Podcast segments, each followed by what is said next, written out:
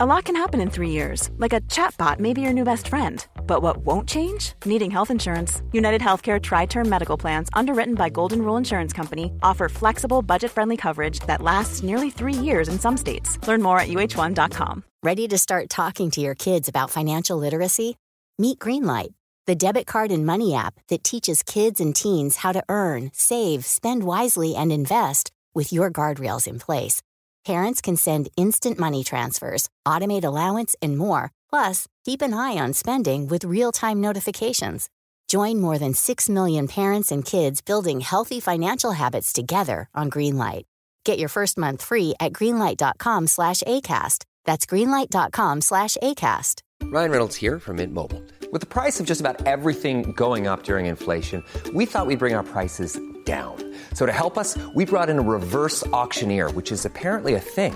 Mint Mobile unlimited premium wireless. Ready to get 30, 30, bit to get 30, bit to get 20, 20, 20, bit to get 20, 20, bit to get 15, 15, 15, 15 just 15 bucks a month. So, Give it a try at mintmobile.com slash switch.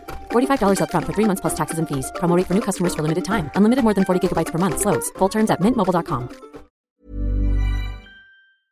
Jag tror ju att investera handlar ju mycket om att skaffa sig erfarenhet, att typ allt som händer är en träning inför något som komma ska. Och därför gör det ingenting att om man periodvis förlorar lite pengar, om man ser till att skaffa sig liksom guldkornen från det och använder den insikten för att tjäna ännu mer pengar i framtiden. Du lyssnar på Rika Tillsammans-podden som handlar om allt som är roligt med privatekonomi. I den här podden får du varje vecka ta del av konkreta tips, råd, verktyg och inspiration för att ta ditt sparande och din privatekonomi till nästa nivå på ett enkelt sätt. Vi som gör den här podden heter Jan och Caroline Bolmesson. Idag är det dags för avsnitt 158 och jag tänkte att idag ska vi prata om att vissa saker kommer alltid vara sig lika och eh, invest... Vad? Spännande, ja, ja. prata vidare. Okej, och investeringsdagbok 2020.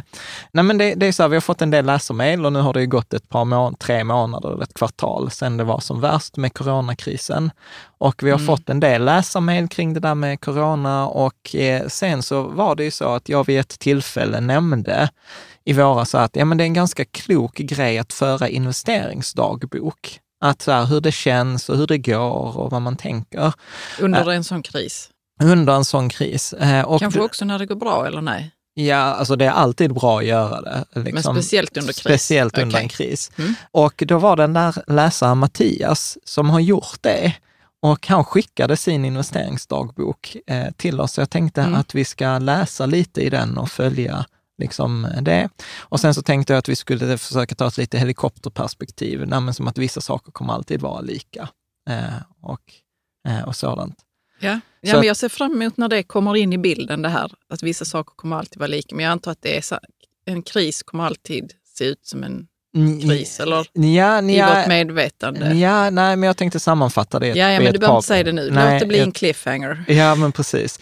Så att detta avsnittet kommer vara, vi kommer ta en del läsarmail, vi kommer att Mm. eh, sammanfatta en del och sen mycket av detta avsnitt så bygger också från en av mina favoritbloggar, A Wealth of Common Sense. Så jag kan liksom inte ens ta cred för vissa av graferna här eller eh, Nej, det, utan det är man ska, synd. Nej, det är inte synd, utan jag tycker man ska ära den som äras eh, bör, helt enkelt. Jag vet ju hur du känner för dina grafer. Men oavsett om det är någon annans eller dina egna så gillar du. Ja, jag gillar graferna. Ja, men eh, ja, alltså du vet vad historien bakom grafen som så här paj, eh, cirkeldiagrammet är? Vadå? Nej, men du vet det här med hur cirkeldiagram och så graferna när de kom till. Men var det, var det Florence Nightingale eller vad Ja. var? Ja, Precis. säg jag har kollen då. Ibland. Ibland alltså. Ja, men det var ju så att efter första världskriget, eh, eller under första världskriget var det väl, så var det väldigt många människor som dog, väldigt många soldater. Och Mm. då jobbade hon som sjuksköterska. Och då uppfann hon ett sätt hur man kunde visualisera då vad soldaterna dog Hon av. behövde ju övertyga Generalerna. ja, liksom. att det inte var så att det var bara på att de dog av sina skador eller sjukdomar ja. Till större del än Ja. liksom, Nej, men det var nog sjukdomar, ja. Ja. Det var inte krigsskadorna. Nej, men det var väldigt, Nej. alltså detta var faktiskt väldigt. Nu, nu är vi så här skönt att vi har börjat i ett sidospår Ja, direkt, direkt i början. Men jag har ju läst en jättespännande bok som visar mycket om så här myter, till exempel att eh, man pratar alltid om så här, de eh, slagen mellan Aten och Sparta, eh, liksom flera, flera hundra år. Eh, liksom. Vad? Ja. Ja, nej men Det, det är skönt att det är du som är på sidospår här nu, inte jag. Vi, vi, Ja. vi tar sidospåret och sen så lovar vi ja, att vi kommer tillbaka Ja, till jag- det som, som blogg, det här eh, inlägget ska handla om. Ja. Ja. Men jag läste en jättespännande bok och så pratar de om så här, liksom, att det finns så mycket myter, till exempel så här, att de här slagen mellan stadsstaterna i Grekland och Sparta och Aten, eh, så tror man att det var, ofta var, de var jätteblodiga och det var många som dog och sånt. Men sen visade det sig att de var liksom så här, ofta inte farligare än en match i amerikansk fotboll. Alltså det är ju alltid någon som har beskrivit det i efterhand, eller under tiden Ja. som det har pågått. Ja, och då ja. måste man beskriva det som att någon, den och den var, de staterna var så farliga, de vill man inte kriga med för det säger så många dog.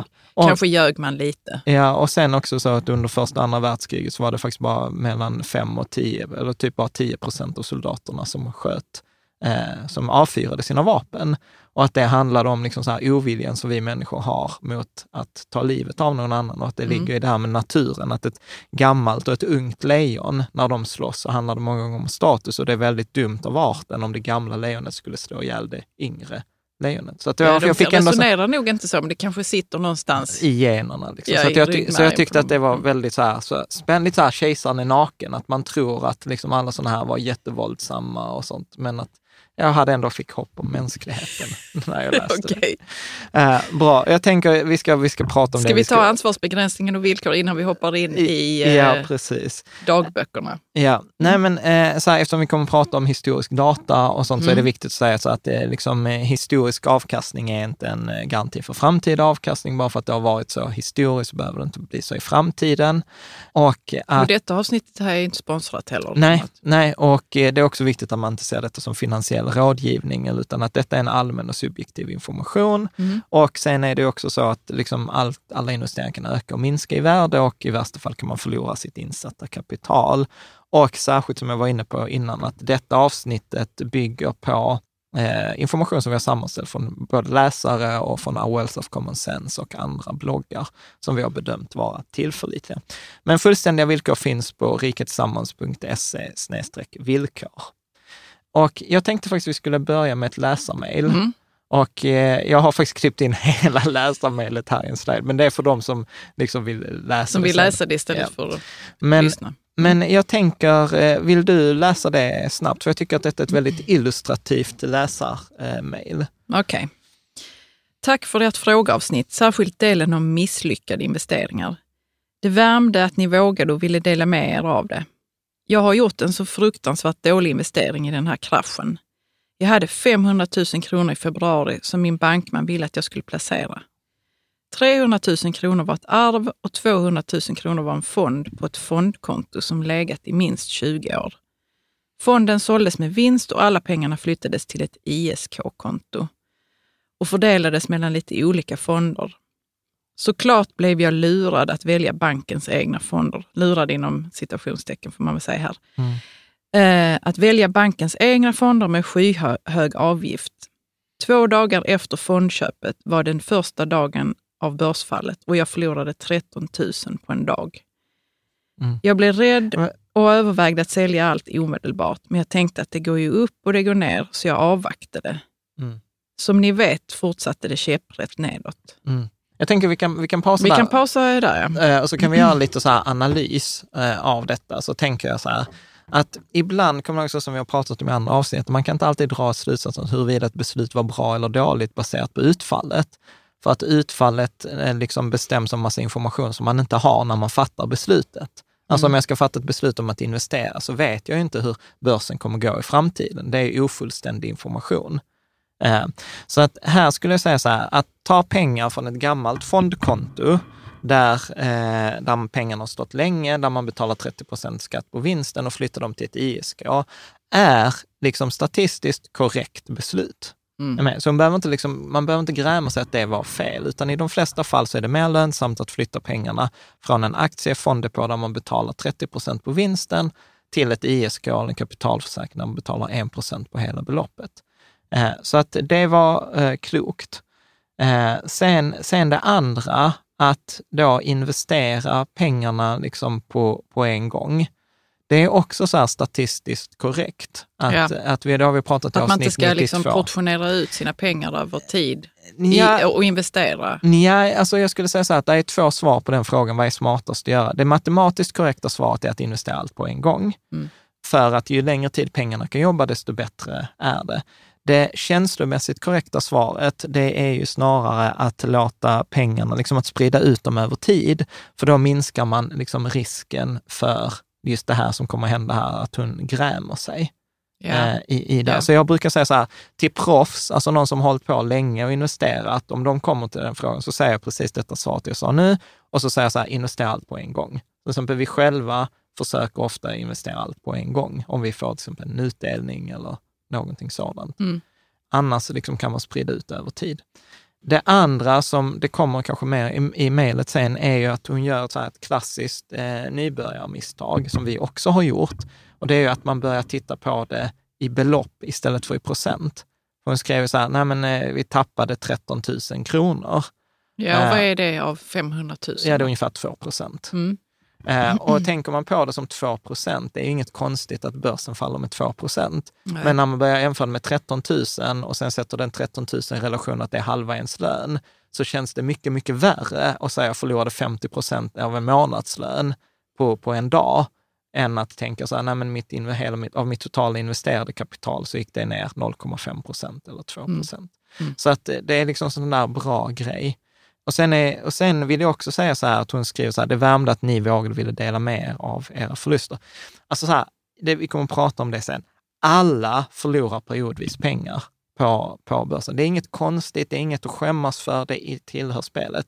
Och detta visar också på vikten av så här, att göra så mycket misstag så tidigt som möjligt med så lite pengar som möjligt. Så att eh, misstag... Ja, men har hon gjort ett misstag här egentligen? Nej, jag tycker inte- jag- jag tycker inte heller det. Nej, utan det jag kan tycka Mm. här, jag hade nog ställt ett kanske lite högre ansvar på rådgivaren att förklara, liksom då till exempel just det här att ja, men alternativet är att sätta in allt på en gång som är matematiskt korrekt, men känslomässigt korrekt är med att sprida ut det och sen kanske dratt då slutsatsen att detta var en ny sparare och då kanske man skulle haft övervägt mot att månadsspara. In Ja, det. men är det så att bankmän, banktjänstemän pysslar med den typen Mm. av... Nej, jag, jag upplever många gånger att bank, de som jobbar på bank har ganska dåligt Alltså är det inte bara att ekonomi. man vill bara få kunden att göra som man vill, förlåt mig, ni som jobbar på bank och inte känner igen att ni Nej. agerar på det Men det viset. Men finns- att man vill bara få, få det klart. Nej, liksom, men man eller? försöker, nej, men jag tror att detta kan vara så här genuint misstag också. Att man, alltså säga att det är en bankrådgivare som är väldigt duktig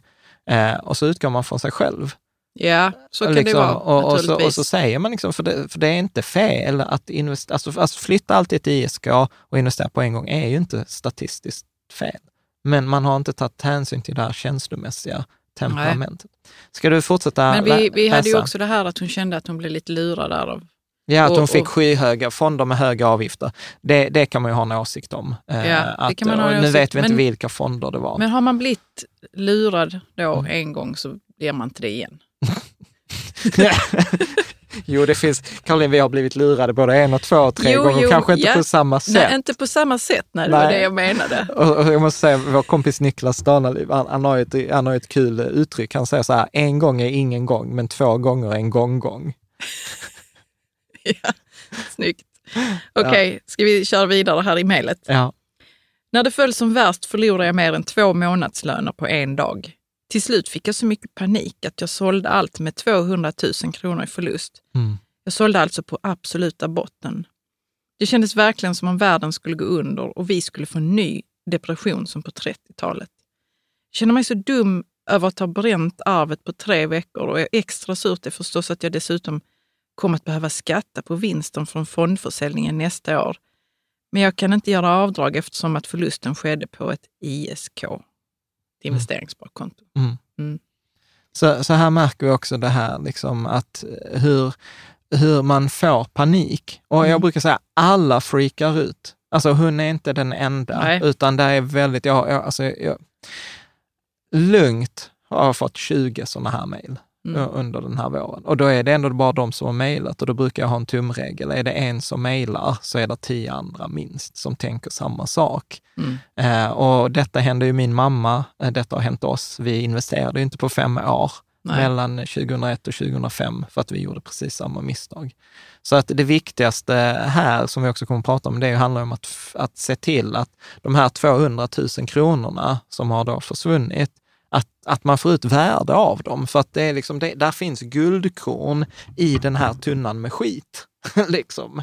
Uh, ja, vad tänker hitta. du att det finns för guldkorn? För det finns ju ett lärotillfälle ja, men jag, jag, bruk, jag brukar försöka säga alltid så här som läropengar. Alltså jag har gjort så mycket misstag i liksom investeringar. Jag, gjort, ja, men jag tror jag har gjort varenda misstag i boken. Mental bokföring, övertro på egen förmåga, liksom, eh, hopp, hoppats, eh, följt flocken, mm. gjort det, liksom agerat på tips etc.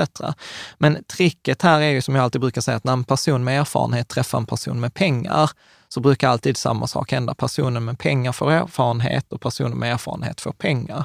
Så att detta är ju så här, nu vet jag inte hur gammal den här personen är, men det, om man då fortsätter investera så kommer det komma en ny krasch om tio år.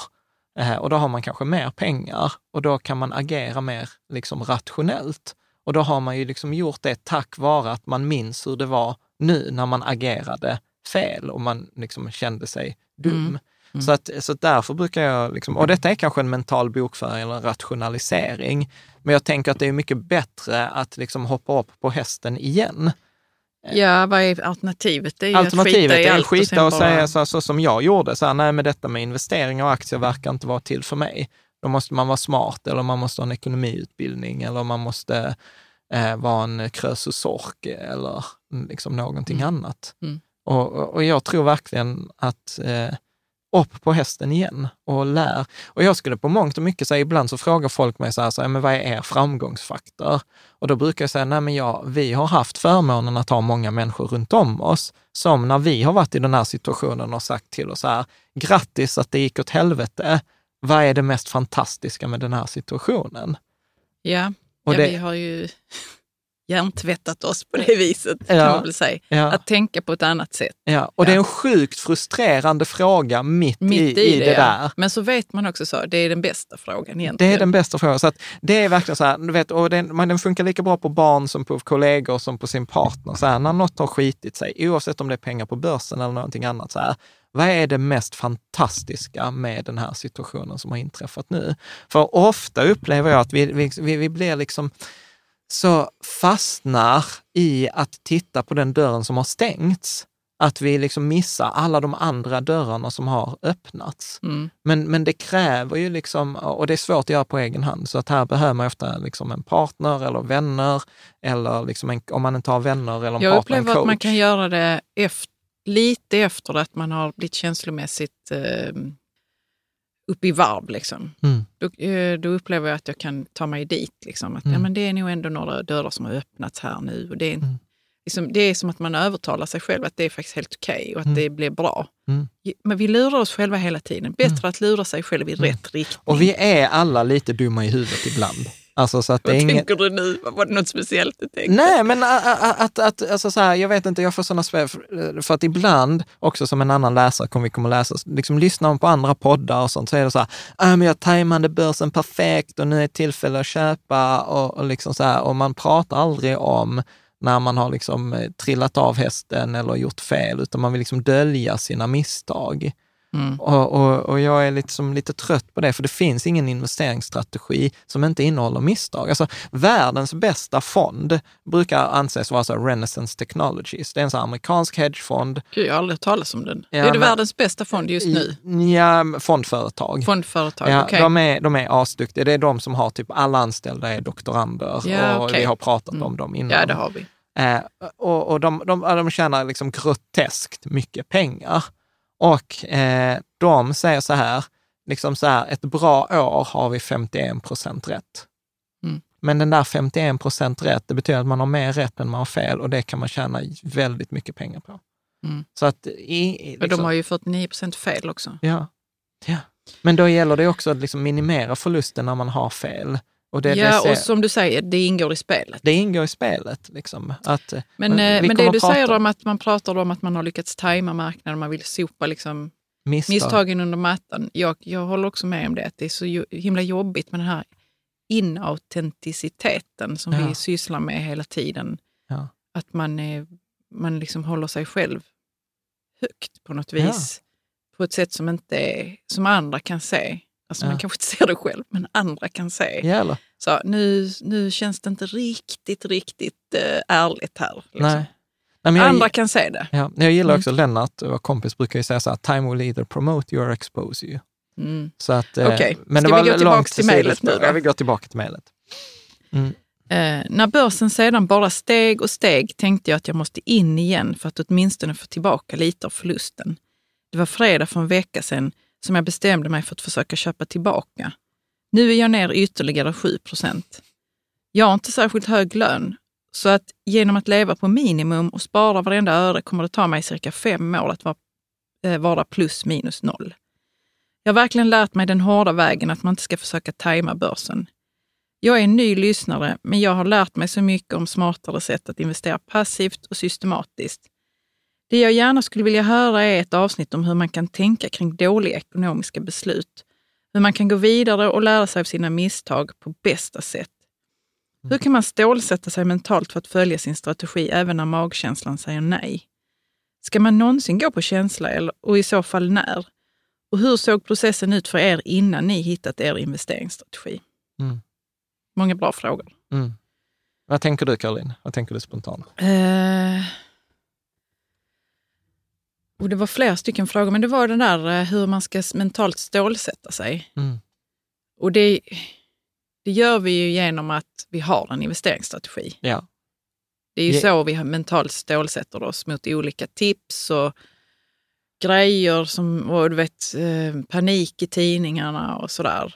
Ja. Det är det ju. Och, att vi, och när, man, när det är minus på, Ja, alltså jag, jag jag på ska, kont, Avanza-kontot. ja. Liksom. Alltså vi kommer se det sen också, jag tror jag, lite längre fram. Men det första är så här, jag lyssnar ju inte på andra experter. Alltså på Nej. media och så här, jag läser ju inte tidningar på det, på det sättet.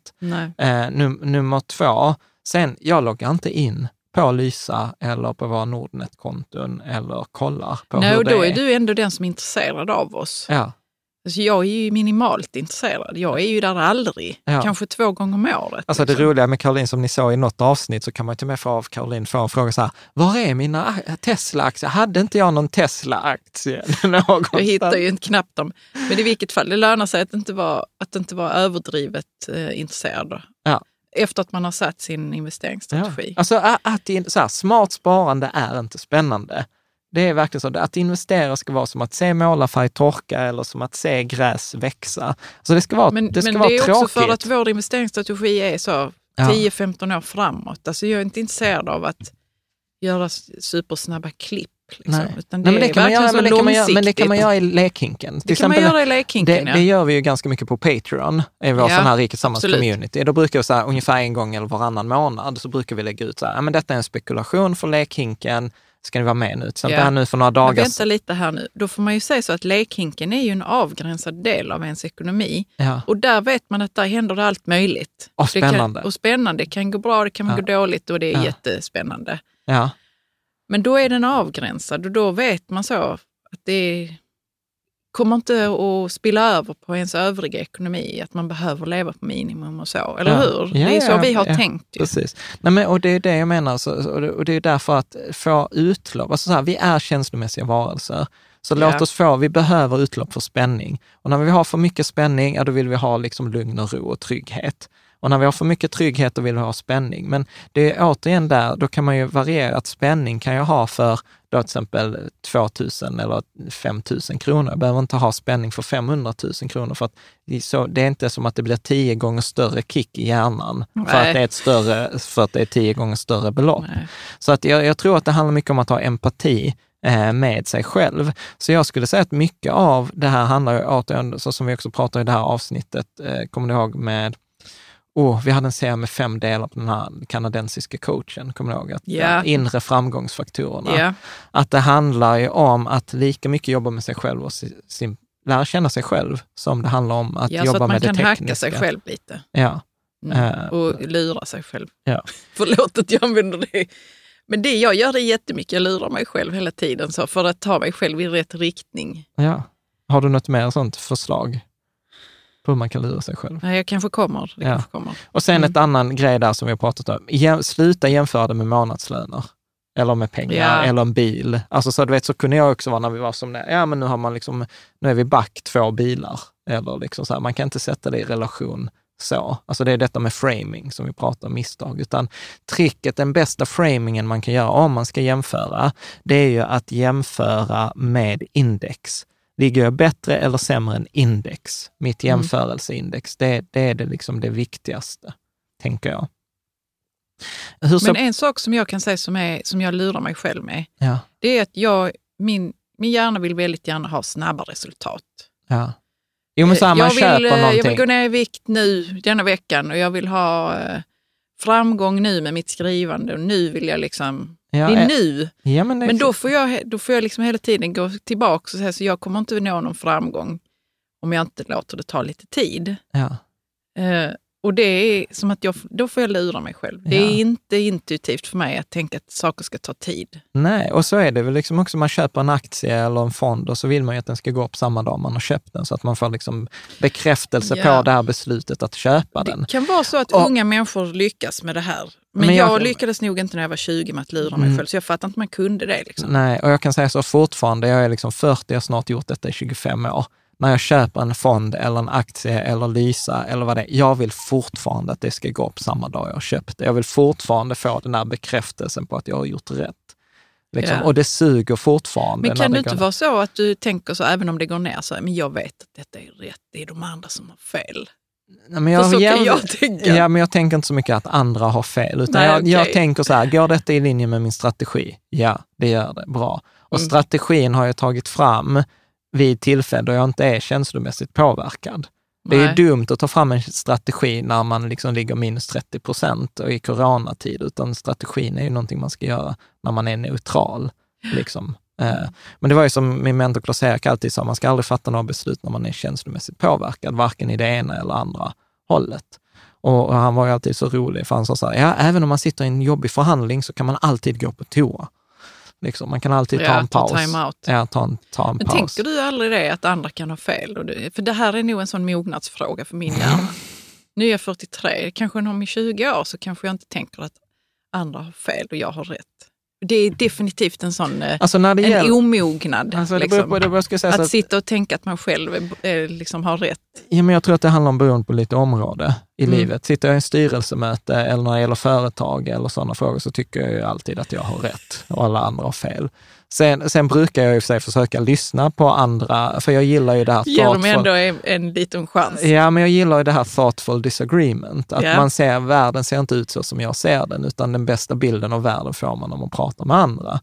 Eh, Men på, på börsen har jag tränat mig i så många år att för mig är detta, är, detta är ett påhitt, men för mig är detta 100% sant. På börsen, antingen har du rätt eller så tjänar du pengar. Det går inte att ha både och. Antingen har du rätt eller så tjänar du pengar. Och jag är mer intresserad av att tjäna pengar än att ha rätt. Mm, spännande. Mm. Och det kan nog vara så att man kan ta det till andra områden än börsen. Ja, alltså man brukar ju, man brukar ju säga inom personlig utveckling så är en av de stora så här heliga gralerna är ju så här att för att bli fri, ge upp rätten att ha rätt. Mm. Eller så här, vill du ha frihet i livet, ge upp rätten att ha rätt. För ofta fastnar vi i att jag har minsann rätt och du är dum och jag har rätt och jag är oförrättad och, liksom, och så går vi Men oftast runt jackar det i... in i ens förprogrammerade beteende och så Ja, snubblar man än en gång. ja. Så hur, sista här, hur, hur såg Ja. vår strategi ut innan? Ja, vi, Innan, vi, innan vi hittade, hur Ja, såg processen ut för er innan ni hittade er, er investeringsstrategi undrar hon? Eh, väldigt virr. Alltså, så jag skulle säga så att vi vände kappan efter vinden, utan det var så här, någon pratade, alltså nu minns jag inte för detta var Jo, typ det 20 år måste ju sedan. varit att vi provade massa grejer Ja. Och sen så insåg vi en efter en att vi kunde checka av att det här var inte rätt för oss, detta var inte rätt för oss. Nej, och sen of- så läste du ju också på samtidigt. Ja, men jag skulle säga, jag skulle säga så här, att det var väldigt mycket så här, alltså om jag hade, nu minns jag inte exakt, för detta är mer än 15 Nej, år vi skulle sedan. skrivit dagbok. Vi skulle skrivit. Nej, men det var så här, om, om jag skulle översätta det till idag, hade någon sagt så här, guld, du ska äga guld. Ja, men det var så här, ja men det låter, de kan nog mer än mig, så jag köper guld. Och sen hade någon sagt så här, ja men eh, onoterade bolag, så jag var så här, de kan nog mer än mig, och så köper vi onoterade bolag. Och sen, någon säger indexfonder, och någon säger direkt eh, högutdelande aktier, och någon säger utdelningsstrategi, och någon säger magic formula, och någon säger teknisk analys, och någon säger så här fundamental analys. Så vi var ju all over the place. Och sen när man gjort någonting tillräckligt länge så inser man så här, nej men de som pratar om teknisk analys, de har inte mer rätt än någon annan. De har snarare mer fel än vad andra har. Okej, fundamental analys. Nej, på kort sikt funkar inte fundamental analys heller. På du lång menar att sikt. vi måste prova lite eller? Ja, eller så, eller så tittar man på de som har provat allt och då kan man börja kryssa av sådana här saker. Nej, men detta funkar inte, detta funkar. Och, och sen till slut så har man liksom förädlat sin strategi till vad som funkar eh, och inte funkar. Och det finns det ganska mycket forskning för. Och det som forskningen är tydlig med som funkar är så här, investera globalt, billigt, långsiktigt och regelbundet. Liksom. Eh, och sen så bör man ju anpassa det då till sitt eget, eh, till sitt eget lynne eller till sitt eget temperament. Eh, som till exempel, där vi har en strategi som tar ganska lite risk. Vi har mycket räntefonder till exempel och sen har vi en lekhink. Så att så skulle jag säga, att, och för oss har ju det tagit tio år, minst, att försöka liksom förfina denna strategin. Och idag när folk kommer, så till exempel onoterade bolag, alltså bolag som inte finns på börsen, då är jag så i 99 fall av 100 så är jag så här, nej men det är inte intressant att investera i onoterade bolag. Och sen vet jag också så här, vad är det där hundrade fallet där vi gör ett, gör ett undantag? Mm. Vad tänker du? Make sense? Ja, det gör Ja. det ju. Men jag tror man ska själv göra lite misstag.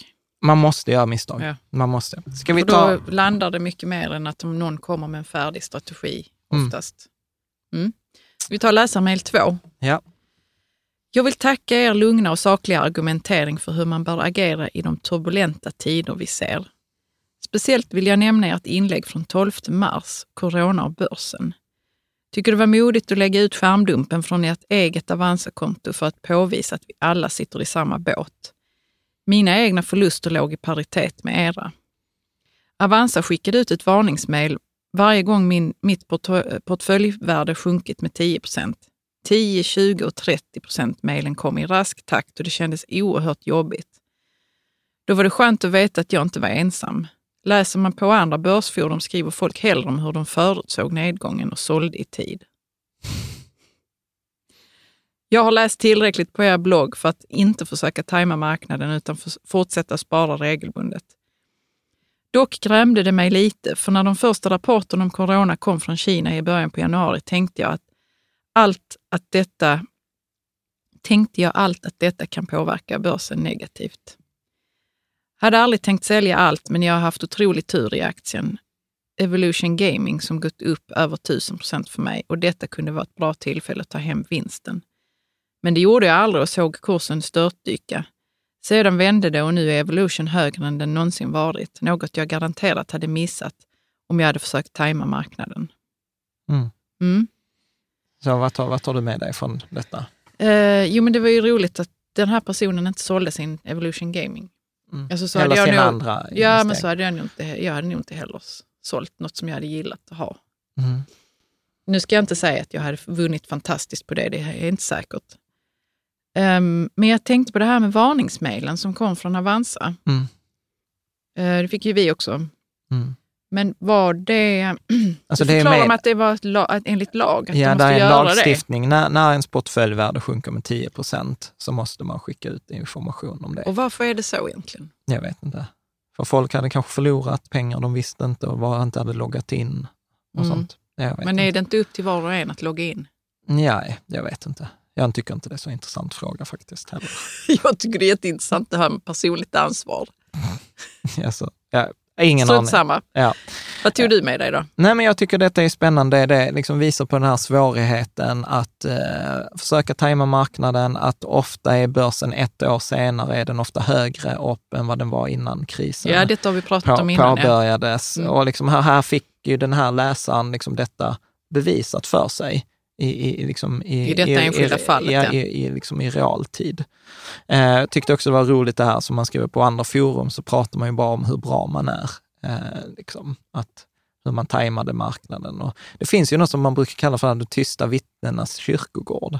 Jag berätta, vänta, har vi, har vi pratat om det innan? Kan du inte säga vad det är för någonting? Nej, men att de, de, alltså det är många som liksom, de gör inget väsen av sig, de som inte lyckades. Nej. Liksom. Eh, och då brukar man säga att den stora tysta massan eller sådant. Ofta är det ju bara några få, i de flesta sammanhang så är det ofta bara några få som hörs, men som man tror representerar majoriteten, men så behöver det inte alls vet vara. du vad, vad jag sitter och tänker? Jag tänker så Mm. att, att det inte ens är sant kanske. Nej, så kan det också vara. Eller, Och det, ska väldigt- jag, eller det vet ju inte jag någonting om. Nej, eller så kan det vara väldigt mycket cherry picking. Så. Mm. Ska du ta nästa? Läsarmail 3. Ja. Mm. Du uppmanar på din blogg att skriva dagbok under börskraschen, vilket jag hoppas fler gjort. Oklart om vi är ute ur denna kraschen, även om det oknäkligen varit en jäkla åktur. Det vore roligt att få läsa fler pa- eh, Patreoners dagböcker om du kunde uppmana till ett sådant inlägg på Patreon. Rent praktiskt vet jag inte om det ska publiceras direkt i ett inlägg eller om man ska få ladda upp sina dagböcker. Du får gärna undersöka om intresse finns. Tack vare tips från er och Börskraschers så ligger min portfölj nu plus 5,5 procent upp från årsskiftet. Det hade jag aldrig vågat om inte ni hade publicerat era artiklar. Stort tack Mattias. Mm. Jag tycker ju detta är jättekul. Så han är ju en av våra Patreon-medlemmar och, Mm. och det behöver inte, om, man har, om det är flera av er som har publicerat dagböcker eller skrivit dagböcker, skicka gärna dem. Ni kan su- sudda ut siffrorna och, och, och, och sådant, för, för det är ju ganska kul att läsa. Så jag tänkte att vi ska faktiskt läsa Mattias dagbok Ja. Eh, här från några olika inlägg. Så jag tänker att vi läser och sen så tar vi upp det som är intressant. Okej, 22 mars. Mm. Börsen har rasat 30 procent sedan toppen 19 februari. Aldrig förr har fallen gått så fort. Aktiemarknaden är volatil som tusan. Minus 10 procent ena dagen, plus 10 nästa dag. Omöjligt att tajma. Till och med guld går ner. Ryktas om att stora bolag blankat guld och håller ned kurserna. Spiltan Räntefond låste möjligheten för uttag i fredags. XX 1000 kronor sitter fast där. Återupptas när det går att värdera rätt igen. Så han, Vi- han, och vi har suddat ut siffrorna. Liksom. Ja. Eh, att Det sitter massa... Mm. Ja, så att, eh, jag vet inte om du minns detta, men detta var ju 20, där runt 20 Jo, jag mars. minns det. när Jag minns som- det när det var minus 30. Ja, Mm. när det var som... Och vi trodde så, "Aj, jag kanske går ner till minus 50. ja, vi trodde, Och jag ja. frågade, när, från när räknar man? Och du sa 19 februari. Ja. Ja, Mm. ja, precis. Ska du ta, fortsätta läsa? Mm. Media är mycket dystra i sina prognoser om ekonomin. Ryktas om depression. Våra portföljer har tappat 11 procent, eh, den här 60-40-portföljen, och 19 procent 85-15-portföljen. Känns bra att ligga bättre än index. Ingen ångest alls, trots att förmögenheten minskat med eh, tusentals kronor. Från och med nu frångår vi vår ursprungsplan för att kunna nyttja krisen. Lite motigt och läskigt när det väl ska göras. Inspirerande när vi skapade planen. Lägger ihop portföljerna för att kunna nyttja portföljbelåning fullt ut. Ökar utrymmet till tusentals kronor. Vi- har suddat ut siffrorna där, kan vi bara säga. Säljer av alla räntepapper nu. Tänker initiera steg ett i coronastrategin och köpa aktier för mycket pengar till idag. Räntepapper plus belåning. Lite läskigt men känns ändå okej i magen. Läste en blogg om att det kunde vara mycket värre och fick lite panik. Mm. Om att det kunde bli mycket värre och Mm. fick lite panik. Okej, men kan inte du bara summera vad eh, Ja. han eller Så- hon har gjort? Här? så Mattias här tillsammans, Mattias, ja. tillsammans med, sin, Sorry. med sin fru.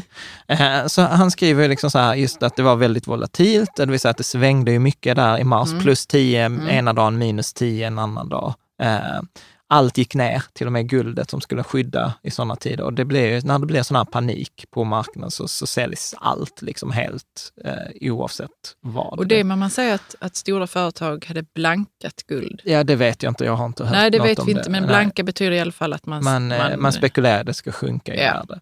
Mm.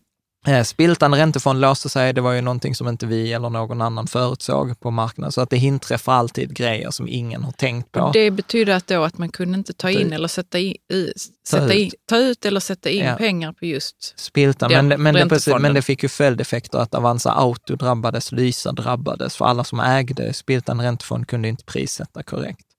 Det, det andra som jag tar med mig är att Mattias här har ju haft en strategi.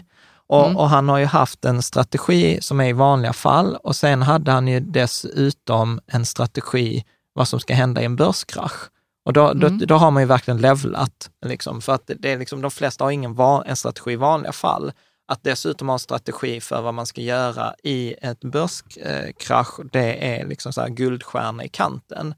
Eh, och särskilt när det är en strategi som går ut på att bli mer aggressiv när alla andra blir defensiva. Mm. Och detta går ju precis, det finns ju så här, till exempel Warren Buffett, världens rikaste man, han har ju så här, var, var girig när andra är rädda och var rädd när andra är giriga.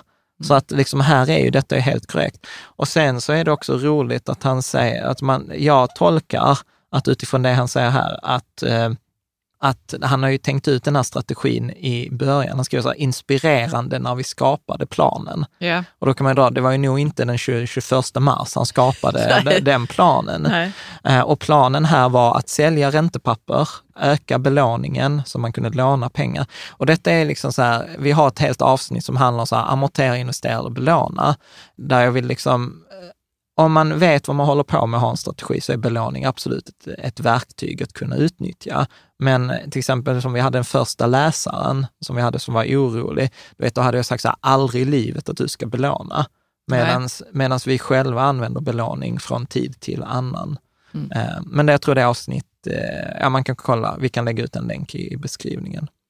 Och sen så har jag faktiskt roat mig med att plocka upp en gammal, den här sliden här, eller grafen hade vi eh, framme då 21 mars. Och den visar eh, fördelningen på USAs eh, då S&P 500, den amerikanska börsen, de 500 största bolagen. Och då den 21-22 mars så var 156 av 500 bolag var minus mer än 40 procent. 86 företag hade backat med mer än 50 procent och 40 företag, alltså nästan 10 procent, var mer eh, minus 70 procent eller mer. Och bara 21 företag var, vilket är typ 5-4 procent, 21 procent, eh, eh, förlåt, 21 företag eller 4 procent av alla bolag på amerikanska börsen var på plus. Så det betyder alltså att 9 av 10 företag var mer än minus 10 procent back. Mm. Och detta kan ju då, vi kommer att prata om detta sen, men detta kan ju då jämföras med 9 juni, eh, alltså typ, för, typ eh, en vecka sedan när, vi- spelar in idag.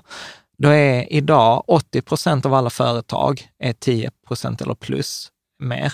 Eh, 183 av eh, de här 500 bolagen är på plus och det är bara eh, liksom, eh, 86 företag, eh, eller så här, i 21 mars var det 86 företag som var minus 50 procent, som hade halverat sin aktiekurs. Idag 9 juni så är det bara fem. Ja. Så att liksom, det intressanta som jag kan tycka, att om man, om man liksom hade varit på typ någon sån här Robinson ö, nu i sex månader detta året och sen så bara loggar man in på sitt Nordnet-konto och så såg man detta och så skulle man säga så här, ah, 2020 har varit ett ganska trist börsår. ja, om man inte tittar på... Hur det har gått, hur det, hur det ja. såg i mars. Liksom. Så om man bara tittar på siffrorna nu så är det ju inget som antyder liksom den berg och dalbanan man, som, som man har varit innan. Så att det visar ju på liksom så här, de här stora liksom svängningarna.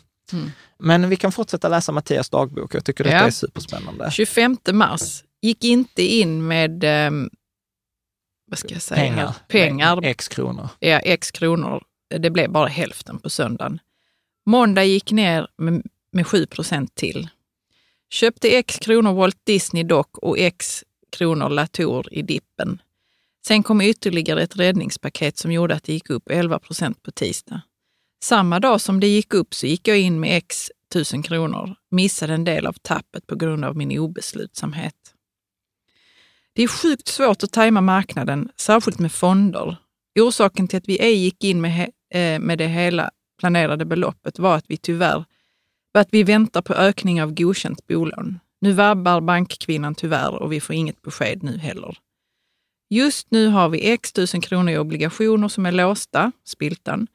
De hade vi velat om, omvandla. X tusen kronor i guld, men dessa ska vara kvar till minus 50 procent på S&P 500. Just nu har guldet ökat med 5 procent, så äntligen kommer guldet loss. Mm. Mm. Vad tänker du? Ehm, Jag tycker ju detta är jättespännande. ja, det är jättespännande för det är ganska så detaljerat ändå. Mm, Man ser absolut. precis hur Det jag han, kan- det jag han kan- gör och tänker. Precis, det jag kan ha åsikt om är så här, investering i de enskilda aktierna. Det hade jag ju undvikit. Walt Eh, Disney och... Ja, mm. ja. Sen, sen, kan, sen kan man ju säga så här också att det är jättespännande att höra här liksom hur man försökt ta bolån eh, och liksom sen blir man så här frustrerad. För det är alltid på sådana idiotdetaljer som vissa saker liksom ska falla. Ja. Som så här, ja men bankkvinnan vabbar. Bara, Men det är ingen det- annan som kan ta äran. Nej, men precis. Och det, och det kan utan problem ha kostat så här 25 000 kronor. Mm. Så att det, det är såna, så att det är där som jag ibland brukar prata om att vara ombytt till matchen. Att ibland så kan det vara värt att ha liksom en optionskostnad, att ha till exempel ett, eh, ha lån och pengar på banken. Mm. Liksom, för att då kan man säga så här, ja men det kostar, ja det är inte optimalt, hur kan du ha lån och pengar på banken? För det kostar dig 2 000 kronor. Ja, men det är bättre att jag betalar 2 000 kronor för att kunna ha den här möjligheten än att bankkvinnan vabbar och jag sen missar 25 000. Då hade Ja. jag kunnat hålla på i, i, liksom i 12 år Mm. eh, med den där optionskostnaden. Så att jag känner igen, jag känner så igen det där och det är så Det sjukt hade varit frustrerande. roligt, måste jag säga, att få veta varför de köpte de enskilda aktierna. Ja, får, Mattias, du får, Jag får återkomma. återkomma. Ja. Mm. Så dagen efter, 26 mars. 26 mars. Börsen har gått upp rejält de närmsta dagarna. Lite jobbigt eh, att det går upp. Hade velat handla mer innan, men det ligger fortfarande cirka minus 25 procent från toppen. Handlar i alla fall för x tusen kronor till. Eh, portföljbelåning plus månadsspar. Stor risk att inte lyckas fånga nedgången på ett bra sätt. Det är sjukt svårt att tajma marknaden. Det går inte. Några experter säger att det är läge att handla mer nu. Några säger att det kan rasa 20 till 30 procent till.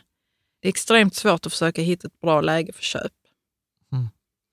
Men är det inte så att man bara ska handla då genom Jo. hela... Eh, Jo, man ska Prisen, handla liksom. hela tiden, ha en Mm. strategisk plan. Nu handlar jag inte försöka tajma, tajma det, tänker jag. Mm. Så att, och sen är det så roligt detta som vi alltid pratar om, att börsen är ångerns tempel. Vi, alltså att man det- ångrar sig för man vad som ångrar sig alltid. Så här, man har köpt för mycket, man har köpt för lite, man har köpt för tidigt, man har köpt för sent, man skulle köpt mer. Alltså, Ja. det går inte. Liksom. Eh, utan utan det, det är att ha en strategi. Och, och de har ju en strategi, men man märker också den här slitningen kring strategin. Och jag tycker det beskriver den här kampen väldigt väl mellan, mellan att följa sin strategi och liksom känslomässigt liksom försöka eh, Göra någonting som är utanför Ja, lite grann. ja, precis. Den här svårigheten också, vet, man börjar lyssna på experter och sen så märker man i de här kriserna, men, du vet, så här, det drar åt alla håll. Och det värsta är att när man lyssnar på de här experterna så är de ju duktiga för att de har ju ofta argument för både och. Liksom. Och, och, och det, ja, men och det, gör också att det blir så error i hjärnan på mig Ja. faktiskt. Och, och, och där har jag ju dragit slutsatsen att jag är väldigt noga. Jag, jag, jag tror inte att jag till exempel kan investera bättre än andra. Och jag lyssnar sällan på vissa typer av råd. Och detta är också så här, för jag, jag är till exempel att man ska ha rådgivare. Vi har ju till exempel Per, en av våra kompisar som vi ska ha med i podden vid ett tillfälle, där jag brukar bolla investeringar med. Men jag lyssnar ju inte på, nu kommer han ju aldrig med den typen av råd, men jag lyssnar ju aldrig på en rådgivare om hur marknaden ska gå i framtiden. Nej. Däremot så kan jag lyssna på råd som säger så här, okej, i förhållande till dina mål eller i förhållande till en tidshorisont så borde du kanske kunna tänka så här istället. Så den typen av råd ska man ju ta, men inte så här, Latour kommer gå bättre än Disney kommande två veckorna. Nej. Eller liksom Disney kommer lämna en bättre rapport än, än, än så. Det, det, det är jättesvårt. Och det säger till och med Andreas och Henrik som var här förvaltar den här Coeli Global, att liksom, trots att de är proffs så säger de så här, det är svårt att göra en bättre analys än någon annan. Mm. Att, eh, liksom, Kortsiktigt. ja, när, när massa smarta människor försöker lösa samma problem så tenderar lösningen bli samma. Mm. Så vi hoppar från 26 mars till 7 april. Mm. Positiva tongångar på börsen som gått upp flera dagar i rad. 7 procent igår. Fear of missing out. Nu har guldet kommit loss också på grund av alla stimulanser ute i världen. Högsta nivån på guldet sedan 2012. Känns fortfarande bra i magen. Länder börjar lätta på restriktioner och det ser ut att minska i smittspridning. Vi får se om detta stämmer eller om det kommer fler setbacks. ligger kvar fullinvesterad och tittar på showen. Mm.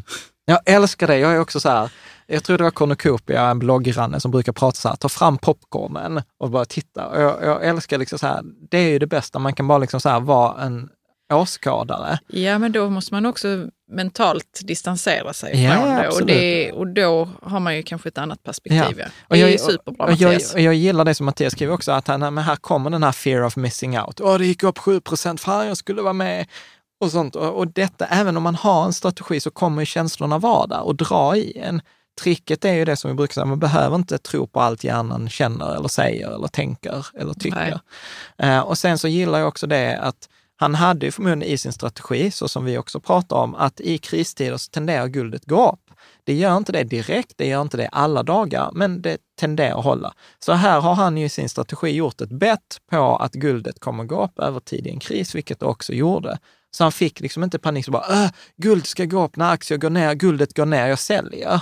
Utan så här, man håller sig vid, vid sin strategi för över tid, liksom så på kort sikt så är marknaden irrationell, men på över tid så brukar liksom de, de stora dragen eh, gälla. Liksom. Mm. Ska vi ta 11 april, så vi hoppar från 7 till 11 april. Ja, börsen har rusat 12 procent denna veckan. Fler och fler experter uttalar sig positivt. Samtidigt som vissa pratar om björnfällor och nya kriser. OMXHPI ligger minus 30 procent fortfarande och Nasdaq ligger fortfarande minus 20 procent under högsta toppen. Totalt var Nasdaq ned minus 30, 35 procent. OBS krävs mycket mer för att återhämta ett tapp så börsen är, är upp mer än 20 procent från lägsta nivån idag. Vår sammanlagda portfölj ligger på minus 20, det vill säga samma som Nasdaq. Guldet har lossnat och ligger på plus 13,5 procent detta året. Vi har 15 procent i portföljen idag. Hittills har vi investerat extra under krisen. Eh, Vi har omvandlat då eh, x tusen kronor i räntefonder till aktier, belånat portföljen med x tusen kronor, eh, köpt guld och aktier då. Mm. Månadssparat x tusen kronor och omvandlat x tusen kronor eget kapital till aktier. Totalt x tusen kronor. Mm. Vi vet inte hur mycket, men Nej. förmodligen en del. Ja, och jag tycker det är jättekul också här att se att eh, så här, när börsen börjat gå upp, ja då kommer fler och fler experter, nu kommer det gå bra. När börsen går dåligt, åh nu kommer det gå dåligt. Och sen så försöker de som, eh, vet, som har haft fel, alltså har sagt börsen ska gå ner och så går börsen upp, så blir det så här, ja men nu är det dags för en tjurfälla och du vet så här, det är nu de sista spararna kommer gå och sen eh, liksom gå åt Men skogen. hör jag lite, ehm, vad heter det, förakt? Ja, det är lite, rösten. det är lite förakt. Eh, absolut. Eh, för att, och det hänger ihop med den här forskningen, som vi också säger att det är bättre att singla slant än att lyssna på en expert förutsägelse om framtiden. Och jag blir liksom så här att experterna har ju mindre än 50 procent rätt. Och det, det värsta det är så här, det hugger tag i mig även, alltså jag är inte mycket på Twitter, jag tycker att det är liksom så här lite avskrädesställe.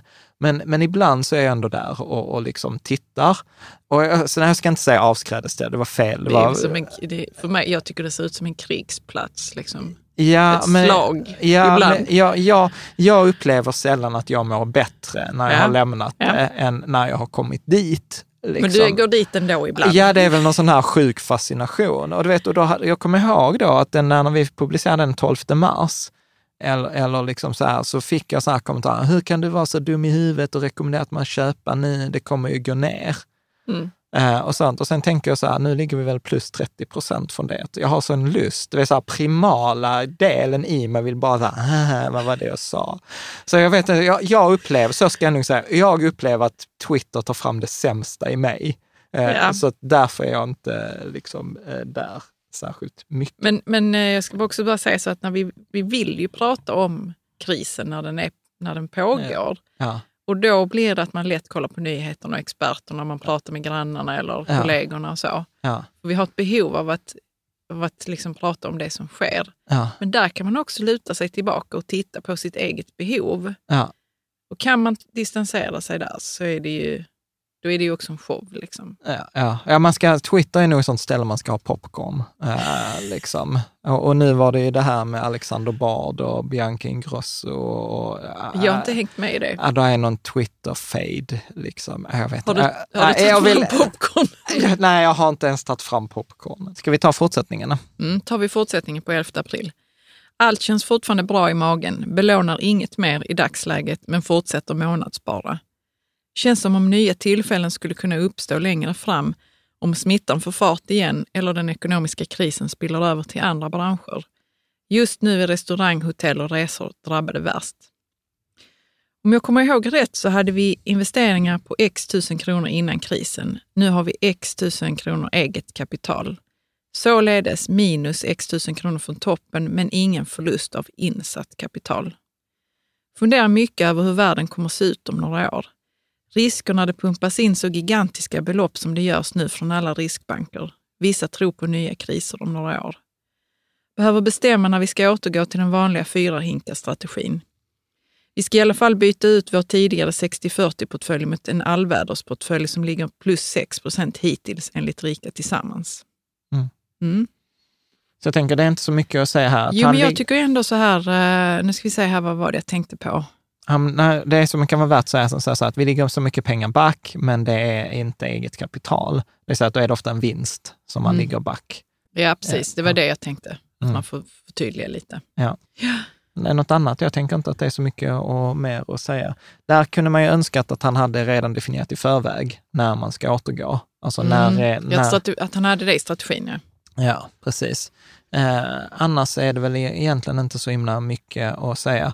H- här kan man ju spekulera att det är många, jag tycker det där, nu blir det ett litet sidospår, men det är många som spekulerar kring det där att ja, men nu trycks det jättemycket pengar och det kommer bli inflation och sånt.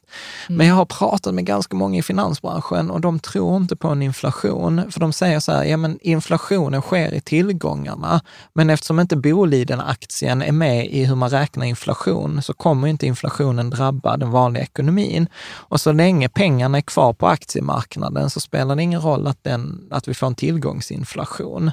Mm. Med, utan problemet skulle bli om liksom pengarna plötsligt skulle gå från aktiemarknaden till den vanliga ekonomin. Men det märker man, du och jag, liksom, vårt liv förändras ju inte huruvida vi har mycket eller lite pengar på vårt aktiekonto Nej. liksom, i, i, liksom i stora drag. Och på sin höjd, ja då blir det kanske att vi om något år, liksom med några års mellanrum, köper en ny bil. Men, men det är ju inte mer än så. Nej. Make Nej. sense? Mm. Mm. Men du, eh, apropå det med att lägga in i sin strategi när man ska gå tillbaka till det normalläget, liksom, vad tänker du kring det? Eh, Vad skulle man kunna gjort då? Nej, men jag, alltså jag vet inte, jag försöker hålla en strategi samma. Alltså, Ja, un, under tiden. Så att, men det är väl liksom som man säger, att ja, men nu slutar man belåna och sen så kanske man okay, börjar rulla tillbaka belåningen när, när då liksom efter, ja, återigen över en tidsperiod, kanske över två år. Mm. Eller något sådant, Mm. skulle jag gissa. Mm. Ja.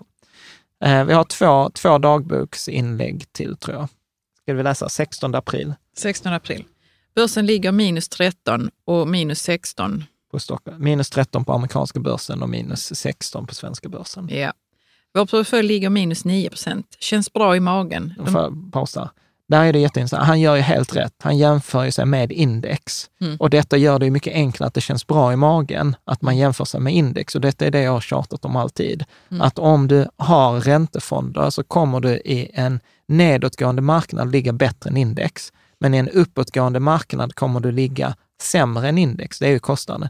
Men grejen är att eftersom vi känslomässigt värderar en förlust mycket värre än en liksom vinst, så gör det inte lika mycket känslomässigt så här, ah, jag ligger bara 110 kronor plus, jag hade kunnat lägga 120. ja, då Medan känns det bra. Så, ja, Mm. ja, det känns, det känns okej. Det känns inte bra, men det känns mycket bättre att säga så här att jag ligger på minus 50, men hade jag haft det så hade jag legat minus 100. Mm, absolut. Nej, man kan ändå känna sig lite, lite som vinnaren i sammanhanget, tänkte jag. Ja, och det är, viktigt, det är viktigare att känna sig som vinnare när det går ner, än att känna sig som vinnare när det går upp. Ja. Mm. Eh, De senaste veckornas uppgångar har känts hoppfulla. Guld plus 16 procent. AUAG plus, Ja, det är fond. Erik Strands fond. Mm, plus 26 procent på en vecka. Galet. Ena dagen går börsen upp 3 procent, nästa dag ned 3 procent. Kursrörelser som tidigare varit mycket ovanliga är vanliga. Nu väntar Q1-rapporterna runt omkring i världen. Vi får se hur detta tas emot. Länder som USA, Danmark och Tyskland pratar om att lätta upp restriktioner. Kina verkar vara igång igen. Sveriges kurva är flack på viruset. Tidningarna präglas av ömsom hopp, ömsom katastrofläge. Några pratar om världens rally som ska hända, andra om den största recessionen sedan 1930-talets krasch. Mycket svårt att gissa vart detta tar vägen. Bara hålla linjen som tidigare är bestämd. Coolt. Inte så mycket att kommentera. Nej. Jag åt så här, sluta läsa nyheter.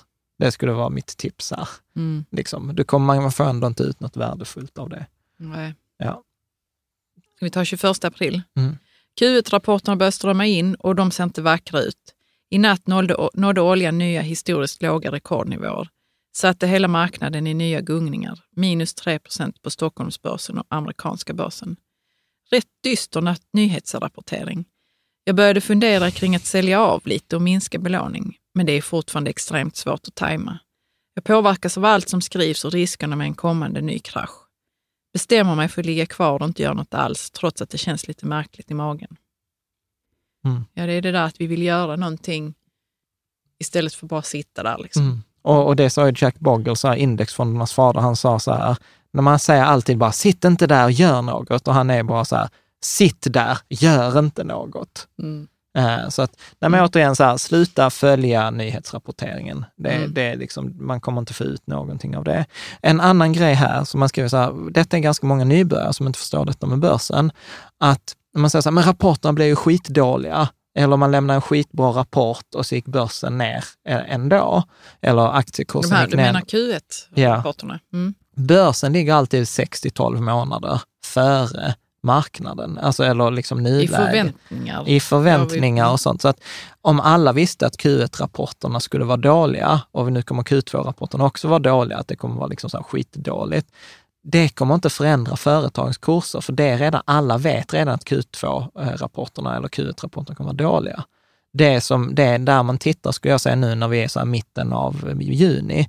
Nu börjar man ju titta på eh, års, eh, liksom Q1-rapporterna kanske nästa år Ja, att det är de som är liksom intressanta. För alla fattar ju att detta året kommer ju vara värdelöst. typ som ett undantag. Ja, Mm. Vi har Sista. några dagar till här. ja. 26 april. 26 april.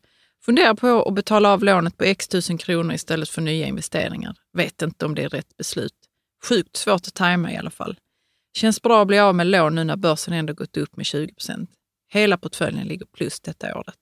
Mm, ska vi ta. 27 april. Samtal med frun. Hon är tveksam till att betala av lånen.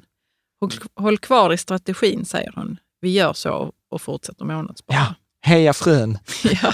Ja, och så här, vikten också av att inte sitta själv med sina hjärnspöken. ja Liksom. det, Har man valt en strategi, så här, liksom det är svårt att hålla fast vid, vid strategin, men man har ju tagit fram en strategi vid något tillfälle för att den skulle vara bra. Så, Ja. att, så att grattis till liksom att eh, ni gör detta tillsammans. Sjukt coolt. 6 maj. USA anklagar Kina för att de tillverkat viruset i labb. Börsen responderar negativt såklart, cirka minus 5% på ökad oro för handelskrig. Denna veckan har jag inte velat öppna Nordnet. Får man inte se förlusten så finns den inte. Känns faktiskt rätt okej ändå i magen. Inga panikkänslor här Ja. inte. Samma sak som vi var inne på, så här, öppna inte skiten. ja, bra. Mm. Ska vi ta- 15 maj. Ja. Börsen ligger och pendlar fram och tillbaka men varken upp eller ner sedan jag skrev. Deltog i, pass, eh, i börsnotering av Pexip. Fantastisk start och sålde två poster med 40% vinst. 8 000 kronor i vinst. Kul att det fortfarande funkar med IPOs i, Börsnoteringar. ja, börsnoteringar i dåligt börsväder. Media är fortfarande både och. Alla spekulerar. Är botten nådd eller kommer ett ras till? Ingen vet. Portföljen ligger på minus 9,82 enligt Shareville i år, men eftersom vi köpte rätt mycket på botten säger Avanza att vi är x tusen kronor plus och Pexip eh, börsnotering. Vänta, vad står Ja, det? också 8000 kronor Ja, plus. Mm. Visar på vikten att våga köpa när det rasar. Fortfarande funderingar om man ska betala av krediten och mån eller månadsspara. Svårt val. Oavsett, lite trist att det bara pendlar, men samtidigt positivt eftersom man kan månadsspara mer. Ja, 5 nu- juni, Sista. sista. Makalös vecka. SP 500 upp 5% OMX, Stockholmsbörsen då, upp 5,5% Förra veckan var det riktigt bra också. Tekniktunga Nasdaq är plus 9% detta året. Glädjefyllt att se hur portföljerna återhämtar sig. Vi ligger en bra bit över 5,5 plus på hela portföljen detta året tack vare aggressiva köp när allt såg mörkt ut. Börsen verkar helt bortse från allt negativt just nu. Ja. Alltså jag, jag vet inte, jag hoppas att Ja, ni det är en som fin lyssnar- dagbok. Ja, det är en föredömlig får man säga. Ja, men visst är det roligt. Alltså jag känner så att jag har varit med där och liksom Ja. lyssnat eh, och Mm. varit med. Jag tycker det är så här sjukt eh, bra jobbat. Mm. Och det är jättespännande att kunna gå tillbaka till, eh, tänker jag också. Ja. Så att om vi ska liksom sammanfatta, eh, sammanfatta detta, så skulle jag ju liksom säga så att vissa saker kommer ju liksom alltid vara sig, eh, vara sig lika. Och vilka är de nu då? Jo, men jag tänker så här, som ny sparare så kommer man, man kommer överskatta sin riskvillighet eller sin risktolerans i goda tider och sen kommer man freaka ut. När det liksom, går ner? Mm. När det går ner. Och liksom, vi kommer hela tiden ha den här känslomässiga stormen. Liksom där, liksom så här, ska jag göra det, ska jag göra det? Man blir girig och sen blir man rädd. Så att det är inget liksom konstigt. Och aktiehandel kommer ge kickar. Alltså det, det är ju som eh, liksom samma, alltså så här, samma kick i hjärnan som lotteri eller liksom andra, så jag vet inte om det är dopamin eh, kickar så, som man får. Och det var ju till exempel mycket, jag läste någon artikel, tror jag det var i New York Times, att väldigt många, eftersom all sport har ju legat nere, då är det ju många eh, som har eh, liksom flyttat sig från betting till börsen. Eh, och eh, där är ju, jag tänkte ta ett exempel sen, visa med till exempel MQ eller Hertz eller sådana här eh, affärer. Och, och sen så kommer det också vara liksom så här att period, det kommer vara perioder då människor utan kunskap eller färdighet också kommer tjäna pengar. Det vill säga, eller om man vänder på det, alla kommer förlora någon, pengar någon gång. Och det är där, det är liksom viktigt, så här, när någon kommer med någon råd eller någon, liksom, någon affär, så, så här, var det tur eller var det skicklighet? Det som vi har pratat om i alla de här avsnitten med forskningen, att det är en av forskningens största frågor när det gäller investeringar. Så här, var det tur, går det att återupprepa, finns det persistence eller var det bara eh, tur? Och det är ju liksom så också, man pratar om mycket i sparande, om så här dumma och smarta pengar. Att smarta pengar efter de rika hedgefonder, så inte dumma pengar efter småspararna. Och det finns ju då ofta situationer där dumma pengar tjänar mer än smarta pengar. Mm. Men det, tricket är ju inte att vinna slaget, tricket är ju att vinna liksom, liksom kriget. Och, och så också komma ihåg detta, tänker jag, att ingen har rätt alltid. Alla strategier kommer innebära tvivel, alla strategier kommer innebära att man förlorar periodvis, etc. Och precis som många så tidningar eller forum, jag brukar ibland, eh, på engelska brukar man ibland skoja så här, nothing beats hindsight capital. Alltså det vill säga när man liksom berättar i, alltid i efterhand hur det har gått. Eller att man- Hindsight är ju backspegel eller vad Ja, man säger. precis. Mm. Man ser aldrig backspegel kapital. Och, och sen så tror jag också att, att ha en plan är liksom A och O. Och framförallt det som ställer till, tror jag, som jag tycker är personligen jättejobbigt, är att ha oinvesterade pengar som jag inte har en plan för. Det kan skapa så här Ja, hjärnspöken. det är stress Det skapar stress på riktigt. Jag borde investera och liksom så här, nu missar jag och så är man inne i den här ångerns... eh, Men, men det är okej ju att ha. Absolut, alltså att ha pengar Vi har ju på pratat kontot. om det, att det är viktigt till och med att ha det när det är... Ja, ja, alltså till exempel ta Riket. Sammansportföljen, där har man ju nästan 25 procent av pengarna på konto. Och, så Mm. som där, och jag brukar alltid kalla det som, det ger ju möjlighetskapital. Det Mm. ger ju mig möjlighet att göra liksom vissa saker, eller som Mattias är det, möjligheten att månadsspara mer, möjligheten att belåna eh, mer. Liksom. Mm. Så att man kan, jag brukar ibland skoja om så här att livet vore ju mycket enklare liksom om, om det vore på börsen som det är i verkligheten, att hårt arbete lönar sig i, liksom i form av ett bättre resultat. Eller att ju mer smart man är eller ju bättre utbildning man har, det, det kommer garantera en överavkastning mot, mot index. Eller som man brukar säga så här, men det vore mycket bättre om liksom så här fundamentala faktorer som vad företaget tjänar och vad det gör, det påverkade mer eller att marknaden var logisk. Men så är det inte på börsen.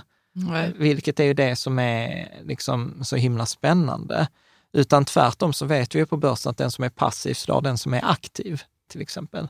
Och, och det som är enkelt är många gånger bättre än det som är komplext. Eh, Henrik Tell, en finansiell rådgivare, han brukar ju säga så här att det är mycket bättre att ha en okomplett plan som man följer än den perfekta planen man inte följer. Ja. Eh, liksom.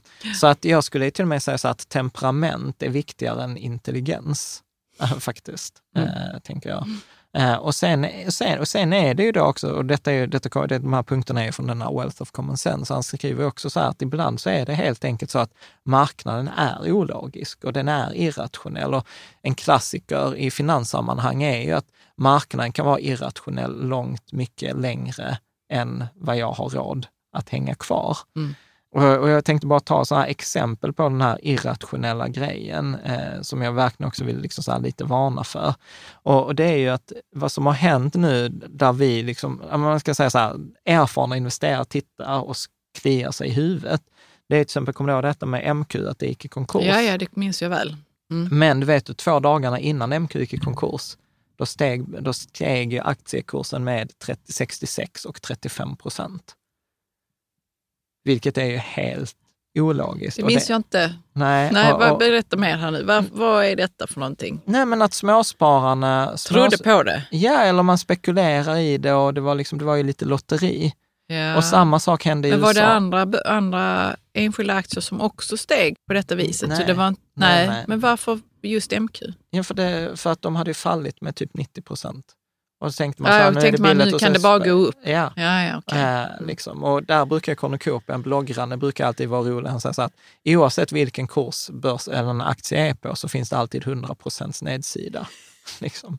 Och detta, varför jag tar upp detta exempel, för att detta har hänt med Hertz i USA och massa andra bolag.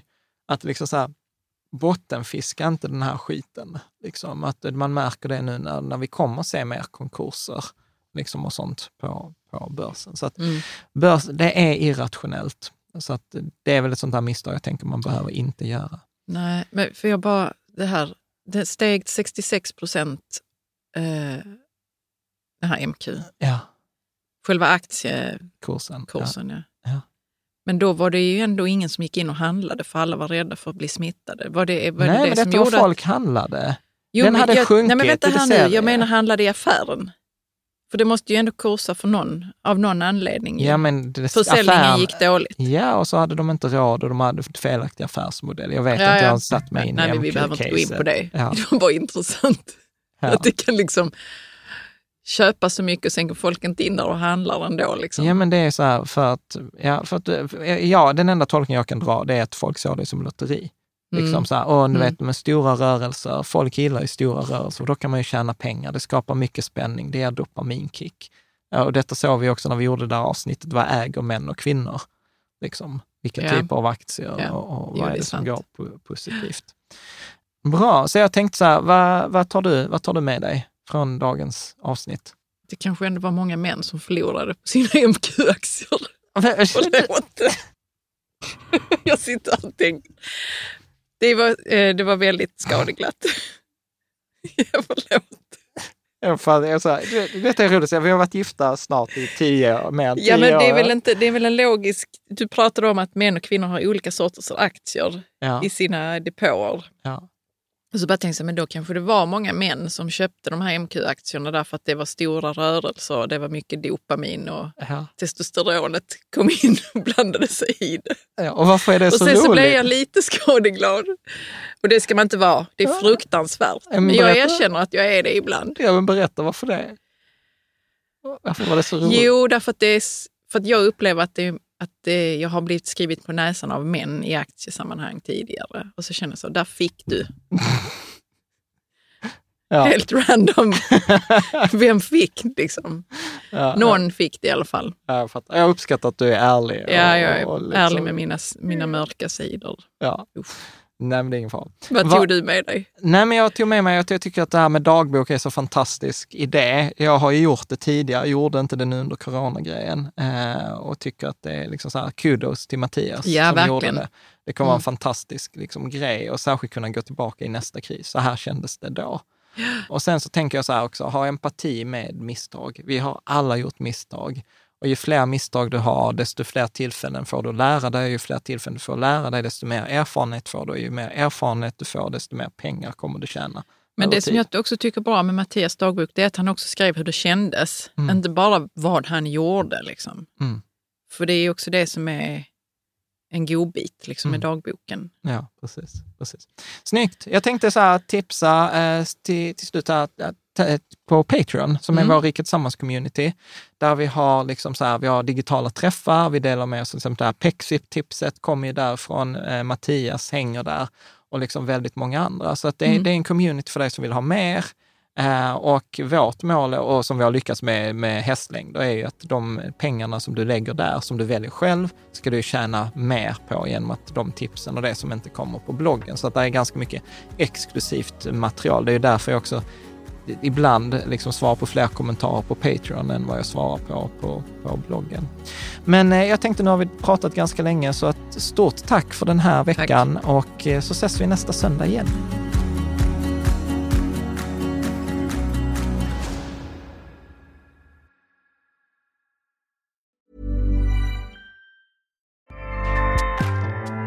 ACAST powers the world's best podcasts. Here's a show that we recommend. The Real Housewives is a guilty pleasure for most, but if you're looking to not feel guilty about that pleasure, tune in to Everything Iconic with me, Danny Pellegrino, where I break down all the messy moments and behind the scenes antics of Bravo's popular franchise. And on Everything Iconic, I also interview celebrity guests like Kelly Ripa, Kiki Palmer, Drew Barrymore, Cameron Diaz, and more about their guilty pleasures, their past work, and so much more. So if you're pop culture obsessed and find yourself watching way too much reality TV like me, tune in to Everything Iconic with Danny Pellegrino wherever you listen to podcasts. ACAST helps creators launch, grow, and monetize their podcasts everywhere. ACAST.com.